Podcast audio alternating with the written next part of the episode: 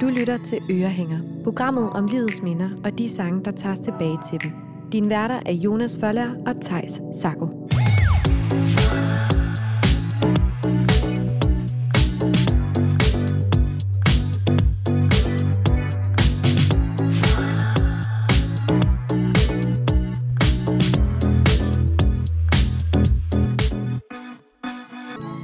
Hjertelig velkommen til denne uges afsnit af Ørehænger.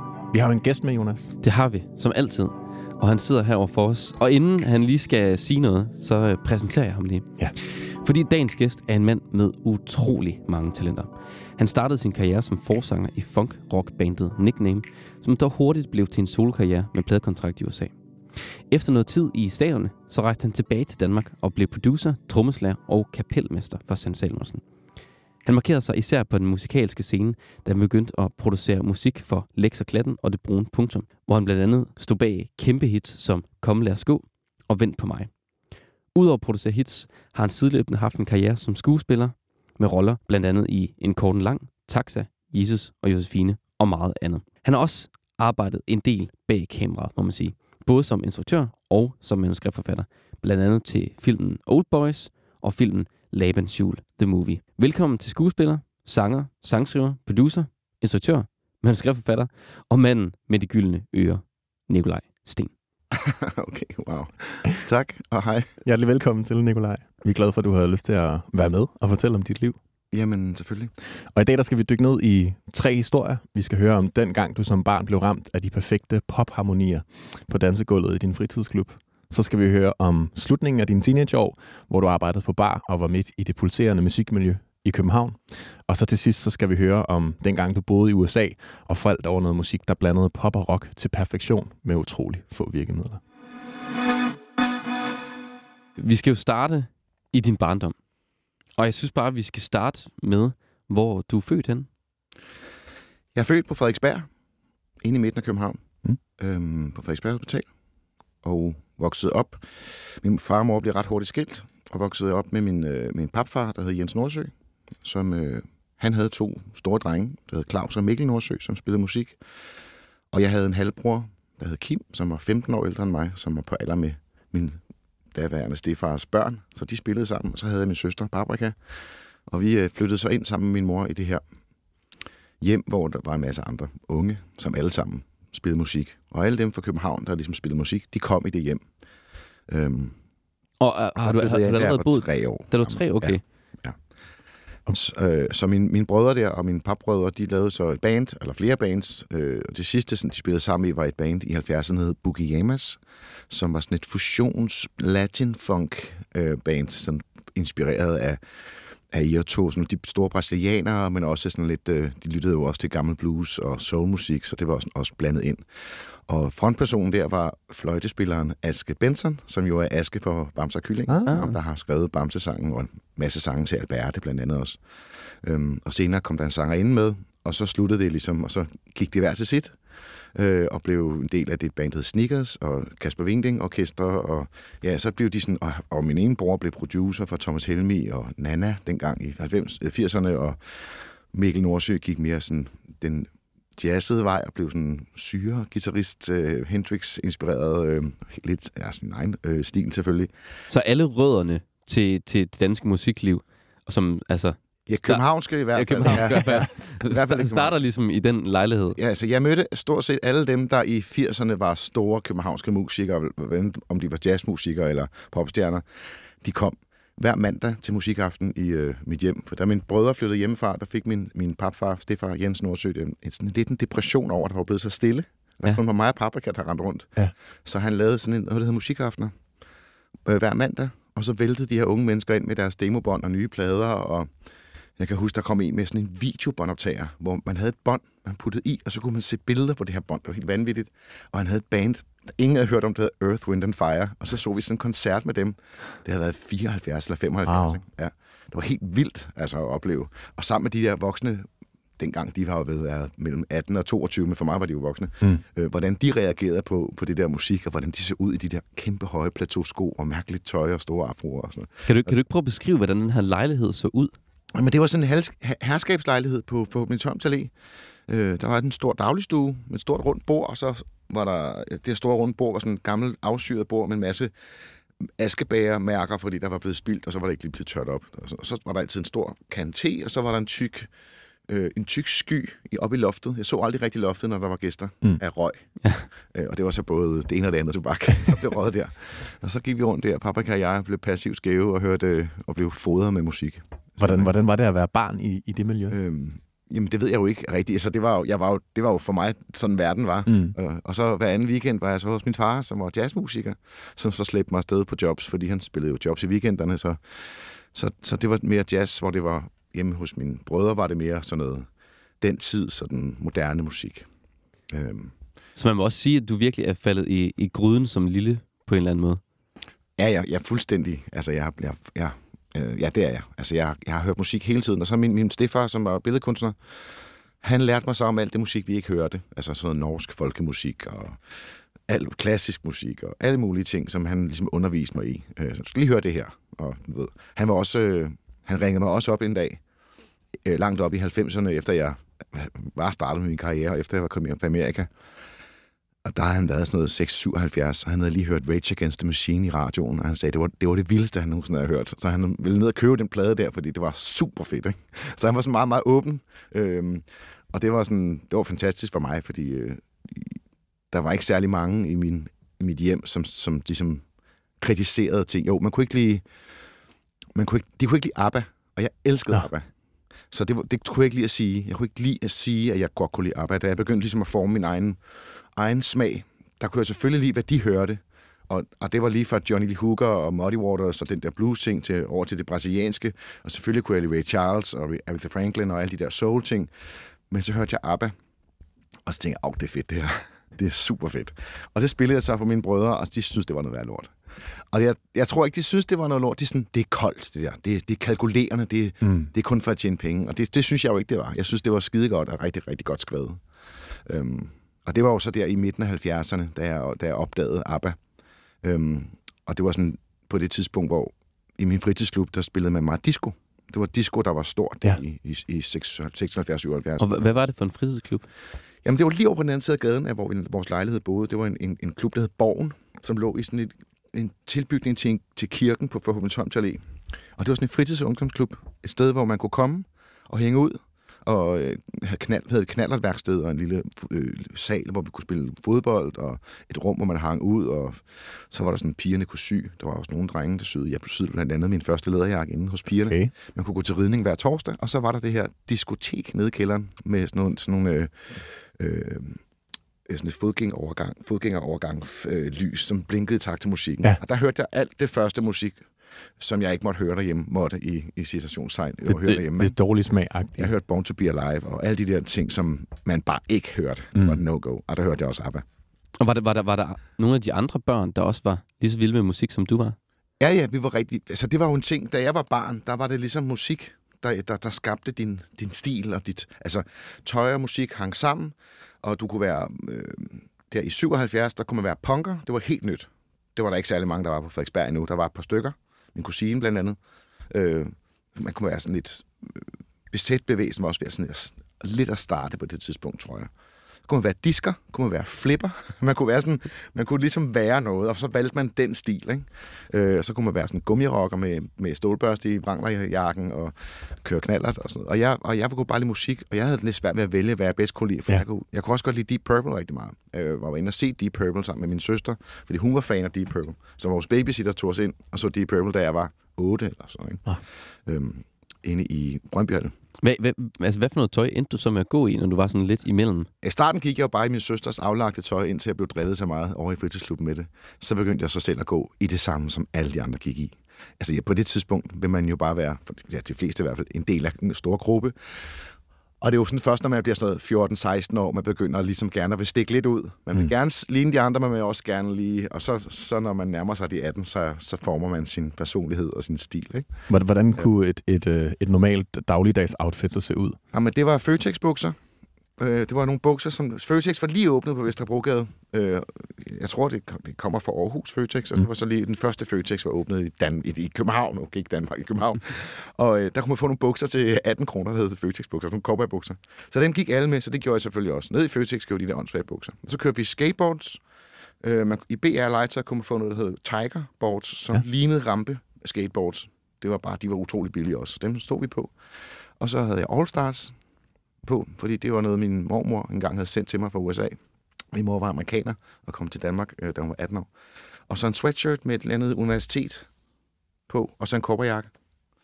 Og måske en børste i lommen, stålbørste i brystlommen. Så sådan meget, meget amerikansk inspireret også på en eller anden ja, måde. det tror jeg, vi, det tror jeg, vi alle sammen var. Jeg mm. tror også, alle de øh, bevægelser, der var, kom fra London eller fra andre fra Kalifornien og New York. Det tror jeg helt mm. sikkert. Og hvilken rolle havde du i, i vennegruppen? Jamen, jeg var, i, i jeg var meget yngre end de andre. Jeg var sådan noget to-tre år yngre end de andre hele tiden. Jeg havde hele tiden efter, så jeg havde ikke rigtig nogen rolle som sådan andet end, jeg røg ud i noget, sådan, nogle lidt problemer, da jeg var sådan noget 11 år. Og, øh, Hvad, er den problemer? Ja, men sådan noget kriminelt noget, øh, hvor, hvor mange af dem, jeg gik sammen med, var, var ikke særlig fede. Og, og jeg, var, jeg var 11, og de var sådan noget 16 og sådan noget. Så jeg, lærte, jeg kunne ikke rigtig se, at det, vi havde gang i, ikke var fedt. Så øh, jeg blev anholdt af politiet, og min mor kom og hentede mig klokken 2 om natten. Jeg var 11 år. Anholdt for hvad? Jamen, for, øh, vi blev anholdt for... Øh, ja, det var, vi havde lavet noget ballade omkring øh, Forum øh, på Frederiksberg. Og så blev vi anholdt. Øhm, og så havde jeg cigaretter på mig, og jeg havde kanonslag på mig, og nogle af mine venner havde øl på mig. Der var også en, der havde kniv, og sådan. Det var ikke særlig godt kæft. selskab, ja. Så da jeg ligesom, da jeg ligesom havde oplevet det, og blev meget, meget forskrækket, og min mor ligesom fik øjnene op for, hvad det var, jeg rendte rundt og lavede, så fik vi et klaver. Min stefar byggede, byttede et maleri for et klaver, og så begyndte jeg at spille klaver og lære det, og, øh, og så begyndte jeg mere og mere at spille musik. Men inden det var jeg jo begyndt at interessere mig for musik. Det var jeg allerede, da jeg var fem år, vidste jeg, at jeg ville spille trommer. Og der i, øh, i starten af mine, øh, mine tweens, der, der var jeg omkring 10 år, der begynder jeg sådan at analysere musik. Sådan, hvad er det, der er fedt ved det her? Hvad er det, der er fedt ved det her? Øh, og det, jeg godt kunne lide ved Deep Purple, det var jo energien og det der soulet og det der lidt funky, der var i, i også i Led Zeppelin. Men jeg var Deep Purple-fan, og det, det var enten eller. Øh, ligesom man var øh, i jeres ungdom måske, så var det Backstreet Boys, eller NSYNC, eller også var det Mm. mm. Blur, eller Oasis. Så det har Ja. altid været, man skulle vælge. I, før, før, da jeg var barn, eller før jeg var barn, der var det Stones eller Beatles, ikke? Ja. Øhm, og, øh, så det var Deep Purple. Og så begyndte jeg at høre alt muligt andet derovre i klubben, den der klub. Blandt andet hørte jeg øh, Bee Gees, og øh, der var lige kommet den her film, der hed Saturday Night Fever, og der var kommet det her album, som bare sweepede verden, altså fuldstændig. De, jeg tror, otte af de sange kom, kom nummer et. Blandt andet var der det nummer, der hedder How Deep Is Your Love, som jeg hørte og tænkte, okay, det der, det, det kan altså noget, som er helt vildt. Øhm, så det tror jeg var det første nummer, jeg sådan lidt... Øh, ja, det gjorde stort, størst indtryk på mig Hvem, på det hvem, tidspunkt. hvem tager det her nummer på? Var det nogen Var af... over i klubben. Ja. morning touch me in the pouring rain. And the moment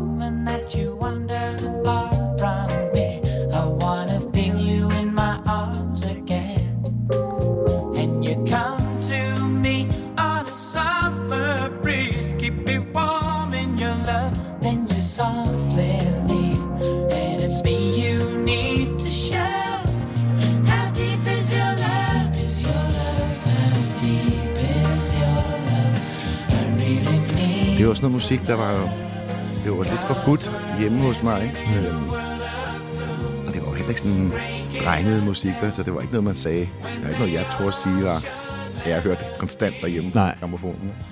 Hvad, hvad føler du i dag, når du hører den Jamen, her jeg synes sang? stadigvæk, det er et helt sindssygt nummer. Og så bliver man jo også... Jeg ved ikke, om kender den fornemmelse, at man bliver sat tilbage til den første forelskelse og dufte og alt muligt. Ikke? Mm. Høre noget musik. Øhm, Ja, hvad, hvad tager det dig tilbage til det her? Jamen, det er jo det der helt... Øh, alt var... Hele verden var åben. Jeg vidste ingenting om noget. Altså, jeg har måske lige været forelsket en gang, i, men ikke havde to at sige det til hende. Øh, så det var, og så var alle jo en lille smule ældre end mig, så jeg var bare sådan en på en... Jeg stod bare og betragtede alt det her. Min store søster var i gang med at blive teenager og fulgte, øh, fulgte ligesom med i alt, hvad der foregik. Så det var sådan kæmpe forandringer, der skete med alle mine venner, der blev voksne, øh, i mine øjne i hvert fald. Ikke? Mm. Deres stemmer gik i overgang. Og, Hvordan var det for dig, at når alle dine venner så begyndte at, at blive voksne, og, og du ligesom stadigvæk var et barn? ah, det var lidt et problem. Øhm, det var lidt et problem. Men øh, jeg kom jo efter det. så jeg havde lige et års tid, hvor jeg lige var lidt bagud. Ikke? Hvad, hvad, hvad, hvad gjorde du sådan nogle ting for ligesom at... Nej, fordi jeg, havde jo ikke, jeg var jo ikke begyndt at, at kæreste med piger og sådan noget endnu, så det var ikke noget sådan større problem. Jeg var først 14, da jeg fik min, min første rigtige kæreste. Øhm, som også var en del af det der hold, den der ungdomsklub, fritidsklub. Mm. Ja. Du sagde, at du havde spillet trommer fra, at du var cirka fem år, og var begyndt at spille klaver og sådan noget. Hvordan udviklede sådan din egen musikalitet så, da du var barn? Min drøm var jo, at jeg skulle være trommeslager. Øhm, og jeg lavede mit første band nickname, da jeg var 15. Hmm. Men der var jeg trommeslager. Og det var sådan en trio, en funk-trio. øhm, og vi spillede på Østerbordet Gymnasie og sådan noget koncerter, fordi jeg, den guitarist gik på Østerbordet. Det er derfor, vi fik jobbet. Ja. Øhm, og så havde vi en sangerinde med, som ville synge øh, Anne Linnet sang. Det var jeg meget irriteret over. Jeg vil spille funk. Jeg gider ikke høre synge Anne Linnet. øhm, og så øh, stoppede jeg med at spille trommer på et eller andet tidspunkt. Jeg begyndte at spille mere mere klaver. Mødte nogle nye mennesker, som introducerede mig for en masse andet musik, end det jeg sådan i min boble på Frederiksberg hørte. Og så flyttede jeg hjemmefra, da jeg var 16. Ja. Så jeg var meget tidligt, men jeg var også meget voksen. Alle mine venner var jo alt det ældre også, og det var meget naturligt. Flyttede til Jægersborgade ude på Nørrebro, som på det tidspunkt ikke var en hipgade på Nej. nogen måde. Der var, det var virkelig en trashet gade. Det, det er ikke, hvad den er i dag. Nej, det var det godt nok ikke. Den var ret hård. Øh, men de var jo søde, fordi de vidste, at jeg boede der, så jeg blev ikke antastet på den måde, men der var eddermame smæk på. Og der øh, gik jeg jo meget i, på Montmartre og i København, som var sådan en, en jazzklub, hvor der i weekenden var sådan noget, der hed natdisk. Så efter bandet havde spillet, om det så var Sonny Rollins fra USA eller et eller andet dansk orkester, så var der en DJ, der så spillede amerikansk musik, for det meste amerikansk musik. Der var én pladespiller, så når pladen var, nummeret var færdig, så gik der lige halvt minut, før den næste sang kom på, så man lige kunne nå at snakke. Og så dansede pigerne, og drengene stod i baren og spillede smarte, og, og jeg var en af de drenge. øhm, og samtidig med det, så, så blomstrede jo, så begyndte jeg jo at gå meget ud, der fandt ud af, at i den anden ende af byen, der, der holdt de der lidt finere, overklasseagtige mennesker til på, på Café Victor, og nede i Lars Bjørnstræde, der holdt øh, punkerne til, nede på Floss, og så begyndte det hele sådan at blande lidt sammen. Øh, Krasnopolski åbnede en natklub, der hed Umatic, øhm, som lå nede under Krasnopolski på Vestergade. Um, og der begyndte sådan de forskellige folk fra de forskellige, øh, altså punkerne og øh, hvem, hvad man nu ellers var, de begyndte sådan at hænge ud lidt sammen, og der blev sådan lidt sammensmeltning. I, Mm. Jeg tror måske også, at punken var ved at slutte der. Øh, og det, der også hed New Wave, var ligesom også, det var også en meget en kort periode, som, hvor, hvor man prøvede at blande disco og punk. Øh, som hedder Blondie, var måske det første New Wave-orkester, jeg kan i hvert fald kan huske. Og Nikolaj, det lyder også som om, at du har meget godt styr på sådan alle de forskellige altså kulturer, både musikkulturerne, men også sådan de forskellige typer, altså punkerne og... Jamen, jeg var jo venner med mange af dem, som... Øh, jeg, altså, jeg, det første band, jeg kom med i som trommeslager, det var et band, der hed Bollocks, øh, som var et punkband, som var sådan et Ramones-agtigt punkband, hvor jeg blev smidt ud ret hurtigt. Der var jeg så 11, og de var sådan 16-17 år, ikke? så jeg var Ja. alt for ung, og de, de skulle spille saltlæret til noget, der hed Nosferatu. Så jeg var blevet smidt ud, og så kom øh, en fyr, der hed Marco med i stedet for på trommer. Øh, blandt andet, fordi jeg kunne ikke spille hurtigt nok. det var sådan noget Ramones hurtigt. Jeg måtte ikke bruge to hænder på at det var snyd. Det var jazz. Ja. øhm, så jeg blev kyldet ud af, af, af Bollocks. Så jeg, jeg var egentlig åben for meget musik, og det havde jeg måske for min, min stefar, øh, som ligesom blev ved med at holde mig åben, men jeg havde stadigvæk det der hjerte i musik og musikken. Og, så var jeg en lille smule introvert og en lille smule øh, sådan... Ja, det var måske lidt ekskluderende for folk, der ikke øh, var inde i musikken. Ikke? Mm. Og Nikolaj, vi skal jo til andet minde, anden historie, som vi måske sådan uh, tidsmæssigt egentlig også er nået til Ja, vi står i faktisk din midt, vi står faktisk midt i det nu. Ja. Fordi øh, det næste, den næste sang, som, som jeg har valgt, at vi skal spille, den hørte jeg første gang på Umatic, som Ja. var et diskotek, der lå, eller en natklub, der lå nede under Krasnopolski. Kan, kan du prøve at beskrive den her natklub lidt? Ja, så klubben var sådan, ja, det var bare et kælderrum. Og så var der sådan en slagterforhæng ind til dansegulvet, så man skulle sådan, sådan en underlig svingdør af plastik, man skulle gå igennem. Og, og, og stilen var, at der var ingen DJ. Der var et bånd, der spillede mm. i starten. Så senere kom der DJ, fordi det der med, at der er en DJ, der ligesom mærker fornemmelsen, hvor er crowden, ikke? hvad vil de gerne høre? Det var der jo ikke. De spillede bare, og så, så stod folk ligesom og dansede deres New Wave-dans. Øhm, og jeg, jeg stod jo bare barn og spillede smart. Hvad, hvad, var det, hvad var det for nogle bånd? Var det mixtapes? Ja, eller var det var et Umatic-bånd, tror jeg. Det var i hvert fald sådan et... Øh, ja, det var måske også derfor, det hed Umatic. Det var sådan et stort, fedt bånd. Det var ikke et, et, et spolebånd eller kassettebånd. Det var god kvalitet. Okay. Så det var måske... Og Umatic-bånd, det var, Umatic var sådan et videoformat, som, var, øh, som kom, da VHS og Betamax også var. Det var det, man brugte til, når man lavede tv. Mm. Det var sådan lidt, jeg tror, det var lidt dyrere og lidt bedre kvalitet. Jeg ved ikke, det tror jeg, det var. I hvert fald så blev det, så blev det meget hipt en, en kort overgang. Det der Umatic, et, et års tid eller to, måske tre, øh, hvor alle slags mennesker kom på Jomatic. Det var sådan, det var, det var, men det var mest sådan, indre, altså, Københavns inderkreds, mange øh, sorte, altså mange, øh, der gik i sort tøj med, med eyeliner, også øh, mænd. Jeg gik også med eyeliner, det gjorde man. Det var bare, det var bare smart. Øhm, og, og der hørte jeg den her sang første gang. Jeg kendte godt orkestret, jeg havde hørt deres forrige plade, øh, men, men øh, det der nummer, det synes jeg var ret fint og godt. Sindssygt godt faktisk. Så jeg gik ned og købte albummet, øhm, og så hørte jeg det album i to år. Øh, I hvert fald en gang om ugen. Mm. Øhm, og det her, det er hittet for det, for det album. Og det hedder Life's What You Make It, og bandet hedder Talk Talk.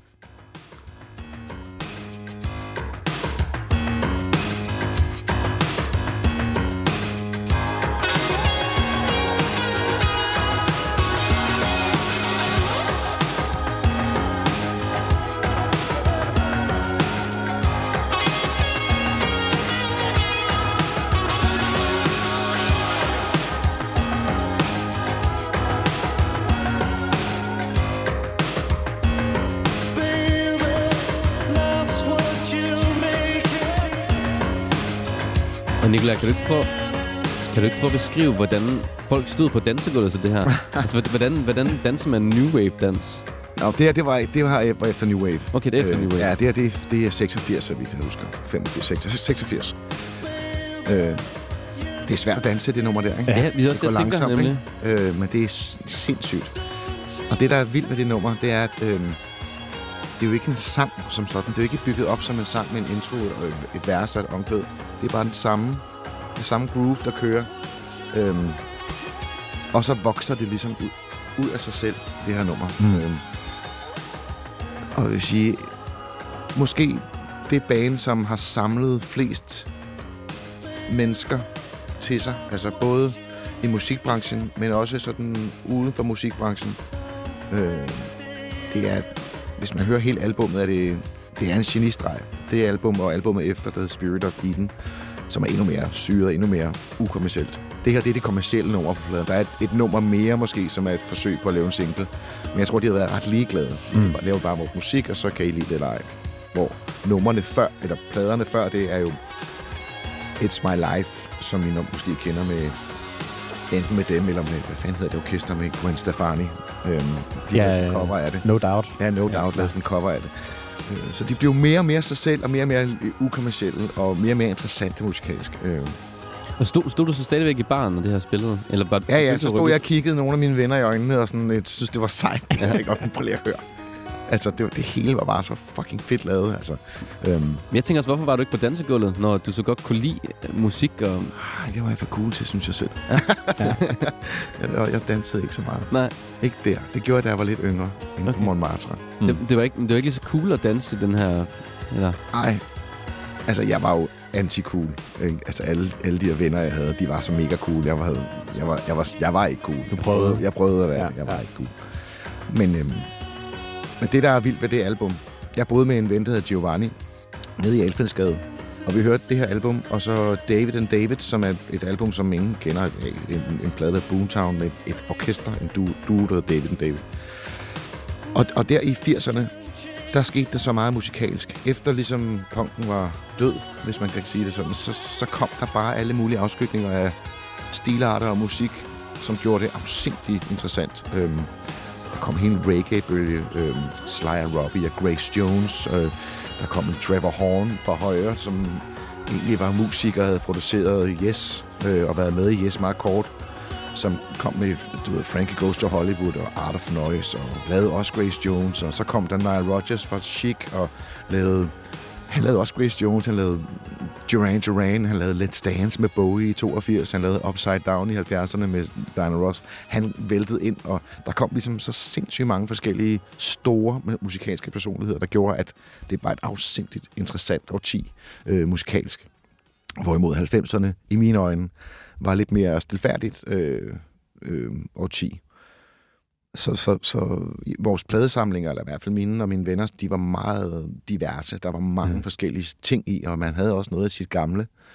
Det, man kunne lide som barn, som stadig holdt. Ikke? Der var jo nogle gasolinplader efter endnu en dag, og sådan nogle, som stadig holdt, men jeg stadig i hvert fald kunne høre. Øhm, og øh, jeg tror ikke, jeg sat arbejde så meget på længere, men i hvert fald, når jeg hørte Dancing Queen, så, kunne jeg, så er det altså også bare en sang, man ikke kan, man kan ikke komme for, udenom den. Den er, den er sindssygt godt skruet sammen. Det er en sindssygt god sang. Øhm, Og hvor, hvor var du henne i dit liv her? der var, jeg, der var jeg begyndt at spille musik, og for alvor. Og jeg var holdt op med at være bartender på Café Kælderdirk. Øhm, hvor jeg var bartender sammen med min søster Paprika og Peter Fordin og Line Knudsen og øh, Jens Arnsen, som desværre døde fra os her for et par uger siden. Og en masse sådan folk, som i hvert fald skulle noget andet end at være bartender. Vi skulle alle sammen i hvert fald noget andet. Men vi var ligesom der øh, på Kælderdirk i, i nogle år. Hvordan var, hvordan var miljøet der? Jamen, Kælderdirk var jo sådan et, et skuespillermiljø. Det var folk fra Avenue Teater, fordi øh, det hang sammen med Avenue Teater, den her café. Øh, og så var der jazzmusik i weekenderne, hvor min, min far tit spillede.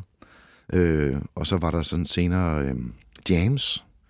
Og det var faktisk der, jeg spillede min første koncert, da jeg stoppede på Kælderdirk. Der sagde chefen, Nå, nu har du to, to aftener på Kælderdirk, hvor du ligesom, nu har du gået og talt om, at du spiller musik, og du er god til det. Nu får du to aftener her. Nu får du chancen. Ja. Øh, så det var faktisk mine første så store koncerter. Og der havde jeg gået og blæret mig så meget med, hvor god jeg var. Så der kom sindssygt mange musikere fra det her øh, københavnske musikmiljø for at tjekke det ud, for at tjekke os ud. Og var, var det dig som frontmand der? Eller dig Det som var, ja, men det var faktisk eller? meningen, at jeg skulle, være, jeg skulle spille keyboards og percussion. Ligesom, de skulle spille nogle af mine sange. Og, så, øh, og jeg, jeg havde hørt Nina Forsberg synge, og jeg synes, hun sang virkelig godt. Men hun var kommet med i noget, der One Two. Så hun kunne ikke lide, og de var i studiet, nede i et medley-studie, som var ved at blive bygget. Gik de indspillet samtidig med, at det blev bygget. Og så øh, tror jeg også, jeg spurgte Søs Fenger, og hun gad ikke. Så, så jeg var ligesom den eneste, der kendte sangene. Så jeg måtte ligesom bare synge. Og det var faktisk derfor, jeg begyndte at synge. Det var Okay. okay. bandet, der sagde, hey, du er god til, du er god frontmand, du skal da helt klart synge. Så det var en, en nød. Øh, ja, egentlig var det var også sjovt, da jeg var sikkert Mm. også øh, super hungrende for opmærksomhed. Det, øh, det var jeg jo på det tidspunkt. Øh, til forskel for de andre øh, i min bane, som måske var lidt mere introverte. Jeg stod skide sjovt at stå foran, og, og ja, det fik jeg et kig ud af. Det havde jeg åbenbart. Det havde jeg åbenbart sat for at kunne finde ud af. Og hvordan, hvordan reagerede folk på det? Altså, kunne, kunne du leve op til forventningerne, der var? Når de havde glædet sig sådan til Altså, der kommer jo ikke nogen hen og siger, at det var virkelig dårligt, så jeg Nej. hørte jo kun dem, der sagde, at det var virkelig Ja. godt. Mm. Øh, men jeg, det har sikkert delt vandet. Det gør, det gør musik jo ofte. Men vi, vi, vi, jeg fik i hvert fald sådan... Der kom i hvert fald i branchen nogle tilbud fra forskellige pladselskaber allerede efter det, øh, om jeg ville udvikle hos dem og lave plade hos dem. Så løb jeg ind i øh, Peter Schütz, øh, som, som kom ned på Café Kælderdirk, som sagde, at han havde et studie inde i Kompanistræde. Om jeg kunne komme ned, og så kunne vi lave noget musik sammen, ja, hvis jeg havde nogle sange. Og sådan. Jeg havde rigtig mange sange op i hovedet. Og så tog jeg ned til ham, og øh, så begyndte vi at arbejde sammen øh, for alvor, og jeg lavede hele mit første album sammen med Peter. Og Peter programmerede, og øh, sådan mere det og mindre det, og, og vi spillede guitar og bass og sang, og lavede en hel masse sange. Og den første plade, jeg så lavede, Nickname, den er lavet nede i det studie, Mm. i den kælder. Øh, og så har vi, tog vi så til Aarhus, og min bror Kim, som på det tidspunkt producerede alle de her store øh, navne, han blev producer, og så tog vi til Aarhus op i, over i Knacks studie og indspillede mit første album. Og Peter tog også med mig til Amerika øh, i 90'erne, øh, hvor jeg fik min første pladekontrakt derovre. Ja, og eneste pladekontrakt derovre.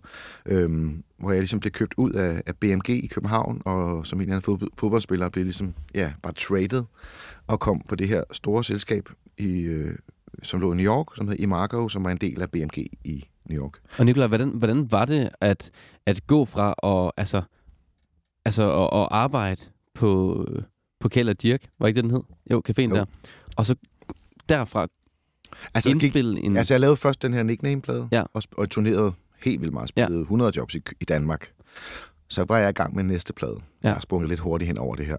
Øh, og jeg fik den her kontrakt i 90, og jeg lavede mit første album i 88. Så der gik lige to år, Mm. hvor jeg ikke var bartender, hvor jeg var blevet musiker. Men jeg tænker også, også fra at du går fra bartender og så til at indspille med nickname, efter I nærmest lige har haft jeres første koncert. Sådan en rigtig koncert. Ja, jamen, der gik også noget tid, fordi vi gik jo øh, og skrev der, Peter og jeg. Øh, jeg havde ja, der var, jeg lavede måske 40 sange øh, dernede i studiet på engelsk, og så da vi fik vores kontrakt, fik vi at vide, at vi skulle synge på dansk. Det var helt vildt nederen, synes jeg, at jeg skulle synge på dansk. Ja, hvorfor, hvorfor er det nede? Fordi på det tidspunkt var det ikke særlig... Altså, der var det Gasolin og Shubidua øh, og Nana, der sang på dansk. TV2 selvfølgelig, ikke? Mm. Og Knacks. Nu nævner jeg så lige nogen, ikke? Resten var... Det var jo, så Sanne var lidt ud af ind af engelsk, og, altså med Snickers var det dansk, men inden det var det engelsk, og efter det blev det engelsk igen. Og, øhm, jeg, jeg befandt mig bedst der, og jeg synes, jeg skrev bedst der. Øhm, øh, så jeg var ikke så begejstret for min første plade, sådan tekster. Jeg prøvede at lave nogle sjove tekster. Øh, mit første hit i situationstegn, øh, det hed øh, Lever økonomisk. Ja. øh, og som øh, var sådan en, en ironisk øh, tilgang til unge mennesker, der bare bruger penge. Og min anden, min andet single, anden single, som var den første fra albummet, den hed øh, Det går ufatteligt godt. Og det var et øh, Slytter-citat fra en nytårstale, hvor, hvor på det tidspunkt var der jo 300.000 arbejdsløse i Danmark, og han sagde, det går ufatteligt godt. Så jeg lavede sådan lidt sådan en satire over hans tale. Øhm, det er ikke særlig musikalsk, lever økonomisk, eller det går ufatteligt godt. Altså, det Jeg, var jeg har svært ved at høre det sunget i hvert i forhold til, at det, det musik, jeg lavede, gerne skulle svinge helt vildt. ikke? Ja. øhm, og der var ikke særlig mange rigtigt, tror jeg, der forstod ironien i det heller. Mhm. Mm-hmm. Og det var sådan lidt, det var lidt, det var lidt et sats. Så da jeg fik den her kontrakt i USA, der blev jeg glad for at kunne få lov til at synge på engelsk. Mm. Øhm, Hvordan var det at, at være en del af, af sådan musikbranchen og musikmiljøet i København på det her tidspunkt, da du lige er startet ud og har lavet den første plade? Altså, vi havde et sted inde i byen, i huset i Magstræde, eller i Rådhusstræde. Det hed det, det, det, det er det samme hus. Det var bare to forskellige indgange. Ja. Øh, der var en, en, en rockklub, der hed Babu på første sal, som var sådan punk og øh, sådan mere alternativ musik, indie-musik. Og så var der musikcaféen oppe på tredje sal, som var der, jeg kom. Øh, og det var alle musikere. Det var alle de gamle, alle de unge, alle de nye, øh, alle de udbrændte. Altså alle kom der, og alle mødtes, øh, og jeg kom der hver dag. Og så var der et band, der spillede, man tjekkede ud, men man, man mødte også bare hinanden og huggede op på kryds og tværs på alle mulige forskellige måder. Og så, så spillede man selv derop. Der var nogle jam-aftener, hvor man bare øh, havde en mandag. Du har en mandag, spil. Og så kommer der 200 andre musikere og kigger på dig, så you better be good. Øhm, og sådan var det lidt. Vi tjekkede hinanden ud. Var det ikke angstprovokerende at skulle have en jam-aften, når der kommer så mange? Altså, Jeg, jeg, jeg var frygtløs, men jeg kan godt forestille mig, at det har været angstprovokerende Ja. for rigtig, rigtig mange. Jeg, jeg, var, øh, jeg var frygtløs med sådan noget der. Mm. Jeg havde bestemt mig for på et tidspunkt i, i den sidste fase af mit liv op i musikcaféen, lavede vi et band, der hed The Armhullers. Fordi det hele var så musiker mu- musikeragtigt. Så vi ville lave et band, der ikke måtte øve. Vi måtte ikke kunne teksterne, men vi skulle bare gå op og spille sangene. Så det gjorde vi flere gange, hvor jeg ikke kunne en eneste tekst, hvor jeg stod og vrøvlede på scenen. Det synes jeg var sjovt. Altså folk må jo have siddet og tænkt, hold kæft, en idiot. Ja. Det var der også flere, der gjorde. men det var, var, det, var, det, var det så for at udfordre sådan formatet, også det udfordre var, dig selv? det var vores lille øh, oprør Ja. mod øh, den etablerede musikbranche. Ikke? Hvor, hvor kommer den der øh, frygtelighed fra? Øh, det er sgu et meget godt spørgsmål. Det er nok en diagnose af en slags. Okay, du har altid haft det? Nej, nej, det har jeg ikke. Jeg havde det rigtig meget, da jeg var ung. Rigtig meget lige den øh, periode. øh, Men, altså, da jeg spillede musik der i. I 20'erne var jeg meget frygtløs, og Mm. i mine egne øjne udødelig. Øhm, det sluttede også. Jeg fik jo sådan en kæmpe efter USA og he- hele eventyr i Amerika, som jo er en helt... Altså, det kan vi jo bruge et døgn på at snakke om. At jeg kom hjem og ligesom landede efter det der eventyr der i, den, i min gamle verden igen, fik jeg jo et, altså et kæmpe chok, og jeg havde aldrig fandt ud af, at jeg aldrig havde kigget indad. Jeg havde aldrig kigget, jeg havde kun været sådan afsted. Øh, jeg skulle bare derhen, derhen, derhen. Så da jeg var 24 og var nået til USA og havde fået en pladekontrakt, der følte jeg ligesom, at Gud havde straffet mig for at give mig alt det, jeg havde sagt. Hvis bare mit liv var så godt, eller hvis, bare mit liv, hvis jeg bare havde det her i mit liv, så var det blevet godt. Bare jeg havde en lejlighed, eller bare jeg havde en pladekontrakt i USA, bare jeg havde, så fik jeg bare det hele. Værsgo, nu får du alt det, du tror vil godt og lykkelig. Og så sad jeg ligesom der og var overhovedet ikke mere lykkelig, end jeg var inde. Så det var en stor, det var meget lærerigt øh, og meget, meget øh, vild proces at komme i gang igennem. Øhm, som gjorde, at jeg blev... Jeg fik øh, respekt for døden og, og livet og ja, mennesker i det hele taget. Ja. Ja. Og det er jo noget, vi skal snakke videre om her i tredje minde. Ja. Fordi, Nikolaj, vi skal jo høre om den her tid, hvor du flyttede til USA, og øh, i det også øh, mødte noget musik, du ligesom var, synes var en perfekt blanding mellem rock og pop. Men øh, lad os starte med der, hvor du flyttede. Hvorfor, øh, hvorfor var det, at du, du skulle over? Var det, altså, var det, Det var du fået den der pladekontrakt? Altså, det var lidt et tilfælde. Jeg, jeg, jeg, jeg mixede, eller jeg lavede nogle sange i London. Og der var en amerikansk producer inde og lave noget andet, tror jeg, som, som sagde, om man ikke måtte mixe noget af vores. Og han mixede så noget af vores til den plade, der skulle ud i Danmark. Min plade nummer to, som skulle ud i Danmark. Han var så til møde på et pladeselskab med en af hans artister, og jeg tror, det var en, der hed DJ Bobo. som var sådan fedt navn. Ja, jeg tror, det var det. Og så spurgte de, hvad, hvad render du ellers og laver? Som jeg har lavet det her, det. Må vi ikke høre det? Jamen, det er jo signet til et andet. Må vi ikke høre det alligevel, fordi de gerne tjekke ham ud? Og så spillede han min musik.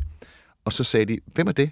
Jamen, det er en, der sidder over i Danmark. Og så gik der to dage, så stod der 12 mennesker fra New York i, i, på BMG op på Vestergade, og var i gang med at købe mig ud. Og så lejede de øh, nogle, øh, nogle suiter op på D'Angleterre, og så forhandlede de kontrakt i nogle dage, og så fik jeg at vide af den her pladselskabsdirektør Terry Ellis, som var manden, der opdagede øh, Billy Idol og Pat Benatar, Blondie og Huey Lewis, og havde det pladselskab, der hed Chrysalis, sammen med en partner, øh, at øh, spurgte, "Hvad- how would you like to come to New York for a few weeks?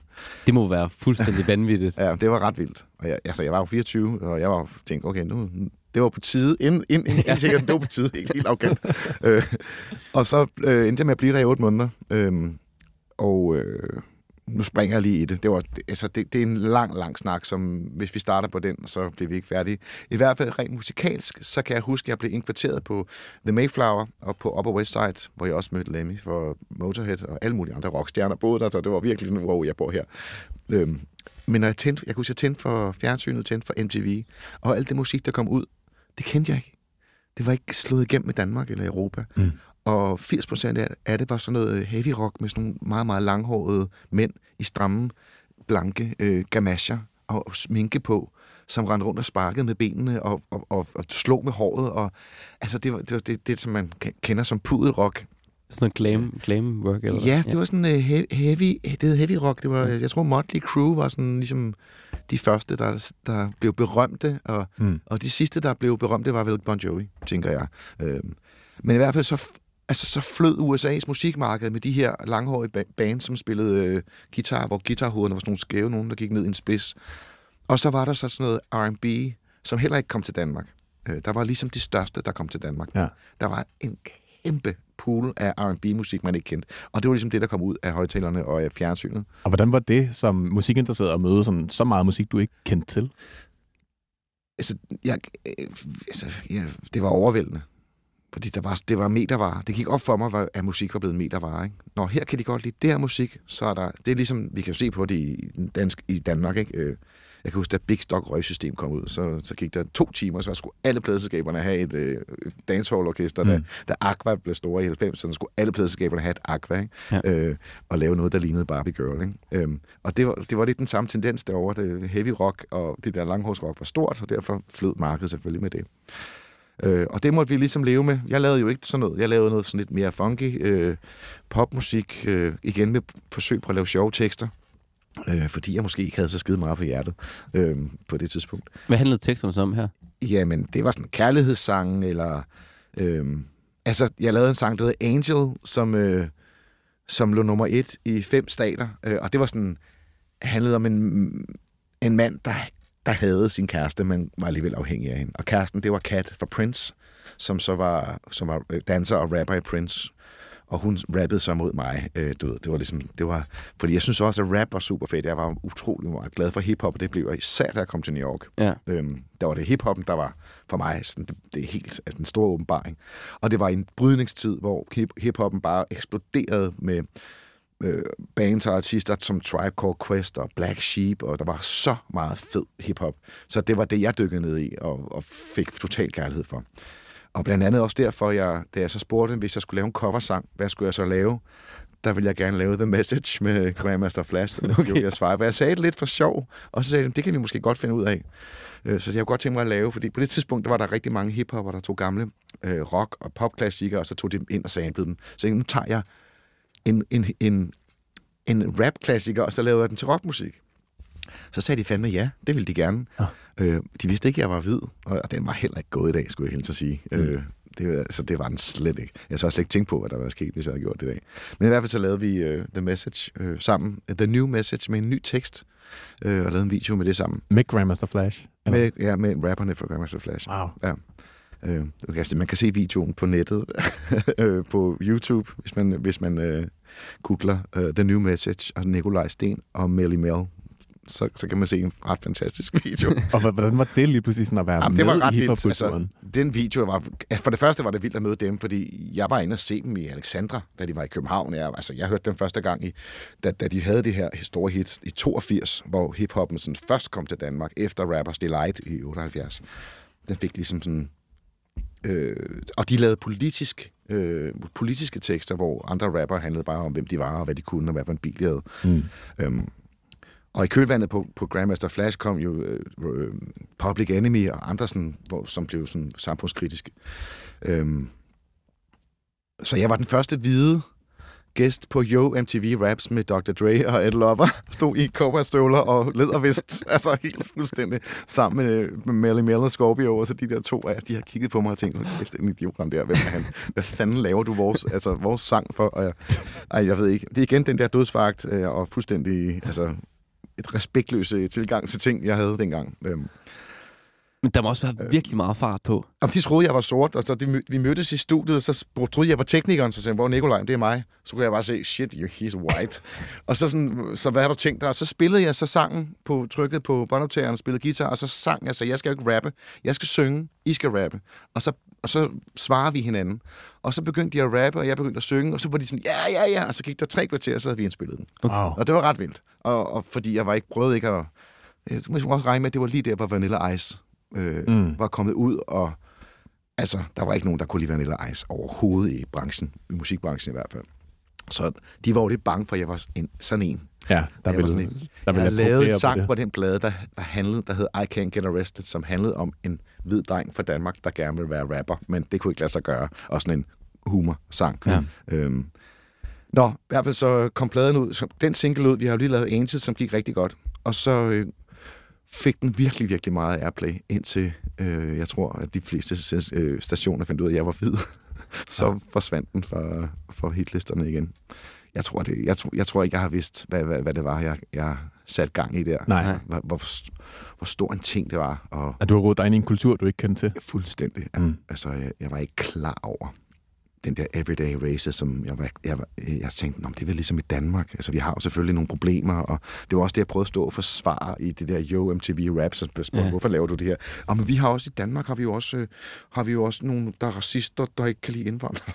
altså, det var, Ja. ja. jeg, jeg, er så glad for, at jeg ikke Er det jo- findes det klip. Det er et helt andet level derovre. ja, altså. ja. Øh, men det er jo så også 35 år siden, heldigvis, og mm. 30 år siden i hvert fald.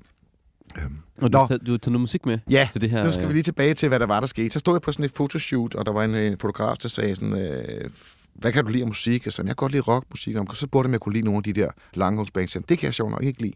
Jeg kan godt lide Deep Purple, jeg kan godt lide Police, kunne jeg godt lide. Så, så, så har jeg lige noget, skal jeg høre her. Og så spillede han et øh, band fra Seattle. Og spillede han det her nummer her.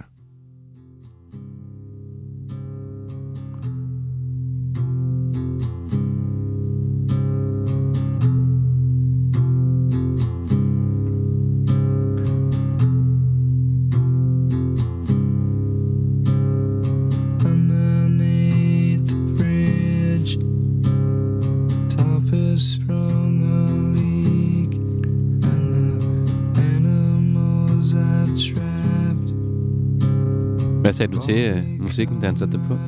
Hvordan reagerede du? Jeg kan huske første gang, første nummer på albummet er Hvis Smells Like Teen Spirit. Mm. Og jeg tænkte, "Nå, det lyder ligesom Police. Det var også en trio, og det var sådan noget... Police havde noget, noget punk i sig, og noget scar i sig. Og så havde de den her Stings pop-sang ovenpå. Nirvana har, har også noget punk i sig, og så har de noget pop i sig. Ja. Og den, blanding, men Nirvana er i min optik perfektion. Altså, man kan ikke ikke lide Nirvana. Altså, fordi det, det er intelligent på alle områder, og det er også vildt på alle områder, og den måde, de optrådte på, da jeg lærte dem bedre at kende, øh, var vild, og deres, det der med, at de ikke havde højt hår og langt hår og mærkelige guitar, de bare gik i jeans med huller i, og flandelskjorter og udtrådte gummisko og sådan noget. Det, det passede rigtig godt ind i min stil, hvad jeg helst ville gå i. Og så lagde det bare den der branche fuldstændig ned. Mm. Altså hele det der langt rock øh, miljø, som jo bare havde, nu siger jeg forpestet, det er måske et tavligt ord, men i hvert fald, det, det, det forsvandt fra den ene dag til den anden. Så var det bare Pearl Jam, Nirvana, Alice in Chains, Soundgarden, Screaming Trees, Smashing Pumpkins, mm. alt Hele den kom fra. Seattle Ja. og væltede ind over verden. Ikke? Øhm, Hvor- Hvordan ændrede det din måde at lave Jamen, musik på efter det det her? ændrede fuldstændig min måde at lave musik på. Altså fuldstændig min, min opfattelse af musik øh, igen. Det gjorde det også, da jeg hørte Talk Talk, og det gjorde det også, da jeg hørte ABBA. Øhm, her, var vi, her gik jeg den anden vej end ABBA. Ikke? ABBA, det var... Eller, eller Bee Gees selvfølgelig også... Øh, at harmonierne kan gå vilde veje rundt og sådan noget. Det her, det, det, det er en helt anden... Det er helt ind, introvert på en eller anden måde, og sindssygt ekstrovert på samme tid. Mm. Øhm, og jeg gik igennem nogle ting menneskeligt øh, på det tidspunkt. Jeg var ikke særlig glad for at være i USA længere. Jeg ville gerne hjem. Øh, Ja, hvordan kan det være, at... Jamen, jeg, de forsøgte ligesom at lave mig til sådan en Beverly Hills-karakter. Øh, de ville ikke have, at jeg så ud, som jeg så ud. De ville have, at jeg skulle gå i khaki pants og mm, sådan være en pæn fyr. Og, det, og det, det ville jeg ikke. Og de ville også have, at jeg skulle hedde noget andet. Og de synes mit navn var svært at udtale med K og J, Nicolaj. Og du ved, de ville gerne ligesom... De gik lidt i panik, tror jeg, fordi pladen ikke stak af, som de havde håbet på. Så det er jo meget frustrerende at være i Amerika. Øh, Det må også være svært, når man så har reddet med på bølgen, og så skulle til at... Altså, de vil lave om på en. Altså, var det, var det svært for dig at sige fra over for det? Nej, overhovedet. Det var slet ikke svært at sige fra. Men jeg burde måske have gået lidt med. Altså, når jeg tænker tilbage. På det tidspunkt var det bare sådan, I kan overhovedet ikke lave om på mig. Jeg er fuldstændig, som jeg er, tage mig, som jeg er. Jeg burde måske have været lidt mere, altså, klogere. Lidt medgørlig. strategisk, ja. Ja, ja, ja. Øh, så var jeg jo også, som jeg var meget øh, pisseirriterende. Øh, og brokkede mig over ting, jeg ikke var tilfreds med. Og så vidste ikke, at man også skulle holde sin kæft nogle gange. Hvad, hvad kunne det være, som du ikke var tilfreds med? Alt. Alt, hvad der, hvad der kunne være, man ikke kunne være tilfreds med, ville jeg gerne lige nævne også. Ikke? ja. Øhm, Og hvad, hvad resulterede det så i, de her uenigheder? Og, og du sagde resulterede, jeg, jeg lavede et interview, øh, et telefoninterview med TV2 til en af musikquiz med Dan Raklen, øh, hvor jeg skulle svare på nogle spørgsmål om Ros til Kreuzfeldt. Og så lagde jeg røret på, og så ringede jeg til min manager og sagde, nu tager jeg hjem. Og så pakkede jeg mine ting, og tog jeg hjem dagen efter. Og så fik han og min advokat mig ud af pladekontrakten. Og så lavede jeg mit eget pladeselskab i Danmark, sammen med min manager. Øh, og lavede min næste album der, hvor jeg selv havde fuldstændig kontrol og selv kunne bestemme det hele. Og hvordan var det at, at flytte hjem igen? Jamen, det var jo både fantastisk dejligt at komme hjem til en, et trygt... Altså, København var jo tryg. Folk, folk smilede, når de var ude. Man var ikke sådan nervøs, når man gik... Øh, jeg var på hjemmebane. Øh, folk vidste mere eller mindre, hvem jeg var. Så jeg var sådan... Jeg var tryg i det. Men jeg fik også en gigantisk nedtur. Øh, Mm. netop det der med, at jeg aldrig havde kigget en af, og også med at skulle acceptere, at den der drøm, jeg troede ville gøre mig lykkelig, og faktisk overhovedet ikke gjorde mig lykkelig. Og det skulle jeg ligesom, hvad hedder det? Øh, det, hedder, det hedder come to terms i, på engelsk, og det hedder, og det er slet ikke, fordi jeg ikke kan huske dansk, men Mhm. jeg kan simpelthen ikke finde det udtryk. Hvad hedder, det? det skulle jeg affinde mig med. Ja. Ja. Ja, Ja, hvordan- jeg skulle affinde mig med, at, at mit liv var, var der nu, hvor jeg, øh, hvor jeg var kommet tilbage, og måtte ligesom se alle dem i øjnene, jeg ligesom havde givet fingeren ind i to sted. Mm. og ikke, jeg ikke nødvendigvis givet dem fingeren, men ligesom sagt, jeg skal videre. Altså, det her er fint nok, jeg skal, jeg skal bare videre. Ja. Jeg har større ambitioner end det her. Ja. Så det var jo både pisse hårdt, og det var jo super dejligt at komme hjem. Og jeg lavede mit eget selskab, hvilket jo måske også var lidt bare en redning. Jeg fik et projekt, som var mit, hvor jeg havde ligesom var herre over mit eget liv og min egen musik. Så du kunne også få lov til at måske gå mere ind i dig selv i det her nye projekt? Altså, Jamen nej, fordi men i USA, der var, jeg jo, der var jeg jo også kompromilløs. Der var jo ikke rigtig nogen, der skulle fortælle mig noget. Nej. Men der faldt det bare ikke særlig god jord, at jeg ligesom sagde, fuck you, jeg gør, hvad der passer mig. Mm. Men nu kunne jeg gøre det, for det, nu var det mit eget. Nu kunne jeg lave mit eget, uden jeg skulle skændes med folk, eller folk skulle mene noget. Øhm. Og det gjorde jeg så, og lavede et album, der hed Blind- Blindfolded, som handlede lidt om den tid, og handlede om sådan mine første kriser. Og så signede jeg til Warner, som havde åbnet en, øh, en afdeling i øh, København, og lavet det album, der hedder Spacehead, som er mit, min reaktion på Amerika. Mm. Øh, og i den ånd, som Nirvana og øh, Soundgarden og alle de bands, som jeg ligesom havde hørt lige siden jeg kom ind på USA. Ja. Det var ligesom lavet i den ånd. Øhm, på engelsk også. Og handlede meget om sådan min eksistentielle tilstand og fremmedgjorthed. Og så stoppede jeg min karriere. Jeg står set, så lavede jeg så et album syv år senere, og så var det det. Nikolaj, jeg tænker også på, hvordan håndterede du så den her øh, nedtur? Du sagde, at du aldrig har set ind af rigtigt. Øh, hvordan håndterede Åh. du det? tonsvis af psykolog-timer og læse selvhjælpsbøger og lade være med at gå ud og drikke mig fuld og altså blive afholdsmand i jeg var afholdsmand i halvandet år, og jeg ikke rørt noget overhovedet andet end cigaretter på det tidspunkt, som jeg røg. Øhm, jeg skulle renses og Mm. lære mig selv at kende for første gang. Det var en hæftig periode, to, to år. Hvad, hvad gav det dig? Jamen, På den anden side. Jo, jeg kunne ville jo aldrig have været det for uden. Altså, det var jo, det var jo en kæmpe gave. Det var bare meget, meget sent. Det var sådan underligt klumpet. Det skulle været kommet i små portioner gennem livet. Mm. Fra, min, altså, fra jeg begyndte at blive bevidst om mig selv. Det kom bare som en kæmpe pølse på en gang. Bum, da jeg var 26. Ja. Øhm, så det var, det var hæftigt af helvede til. Øh, og jeg var meget åben omkring det. Og det, på det tidspunkt var det meget tabuiseret. At man kunne... Altså, at man havde en psyke, som var ødelagt, eller man havde et liv, som at man var ked af det i sjælen, eller det var, det var meget tabuiseret. Hvad sagde folk til det, når du fortalte dem ja, det? mange af dem vidste ikke, hvad de skulle sige, og enkelte sagde, jeg kender det godt. Øhm, Ja. ja. Men der var få, jeg kunne tale med, som havde været igennem det samme, som jeg havde været igennem. Så jeg var lidt alene med det. Ja.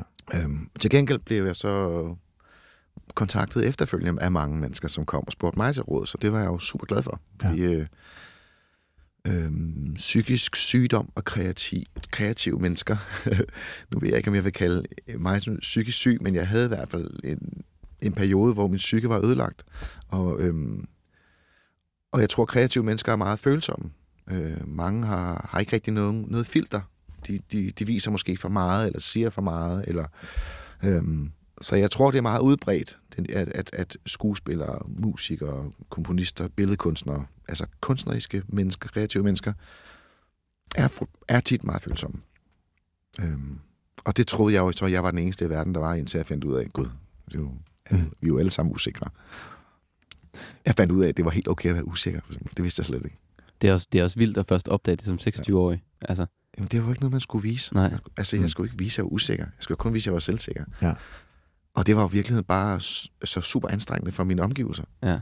Øh, jeg troede ligesom bare, det var, det var bare sådan, man gjorde. Ja. Så at vise sårbarheden gjorde også, at mange nærmede sig mig øh, af mine venner. Og sagde, at jeg var blevet et mere behageligt menneske, øh, hvilket jeg sikkert var. Nikolaj, her til sidst, der tænker jeg, hvis du øh, kunne sige én ting til sådan Nikolaj, der, der fyrer dig ud af i USA, hvad, hvad skulle det så være? Tag en chill pill. Men Ej, jeg ved det ikke. Altså, det, jeg, jo, jeg slap lidt af. Kig ind af. Øh, have dig selv med i, hvad du gør. Mm. Jeg havde ikke mig selv med i noget. Jeg var 24. Jeg var et barn på mange områder. Så, øh, så det, det havde jeg ikke. Jeg ser mange unge mennesker på min alder, eller på den, min alder, dengang 24, som, er, som står med de samme øh, tilbud, men som styrer det og, og øh, altså er virkelig gode til at administrere den ting. Øh, jeg var bare ikke god til det. Det var det sidste, vi nåede for i dag, Nikolaj. Åh, oh, hvor deprimerende. Vi sluttede på den. Og, altså, og vi, vi, er jo, vi, er jo, vi er jo kun nået altså, halvvejs igennem dit liv. Men det har været en virkelig fantastisk rejse. Nå, hvor godt. Jamen, øh, Og tak for at fortælle det og, og være så åben. jamen, øh, ja. Det var en fornøjelse. Jamen, i lige måde. Det var en fornøjelse. Mit navn er Thijs Sarko, Og mit navn er Jonas Folder og tusind tak, fordi du lyttede til dagens afsnit. Hvis du vil høre mere Ørehænger, kan du finde det inde på vores 24-7 app, eller hvor du plejer at lytte til din podcast.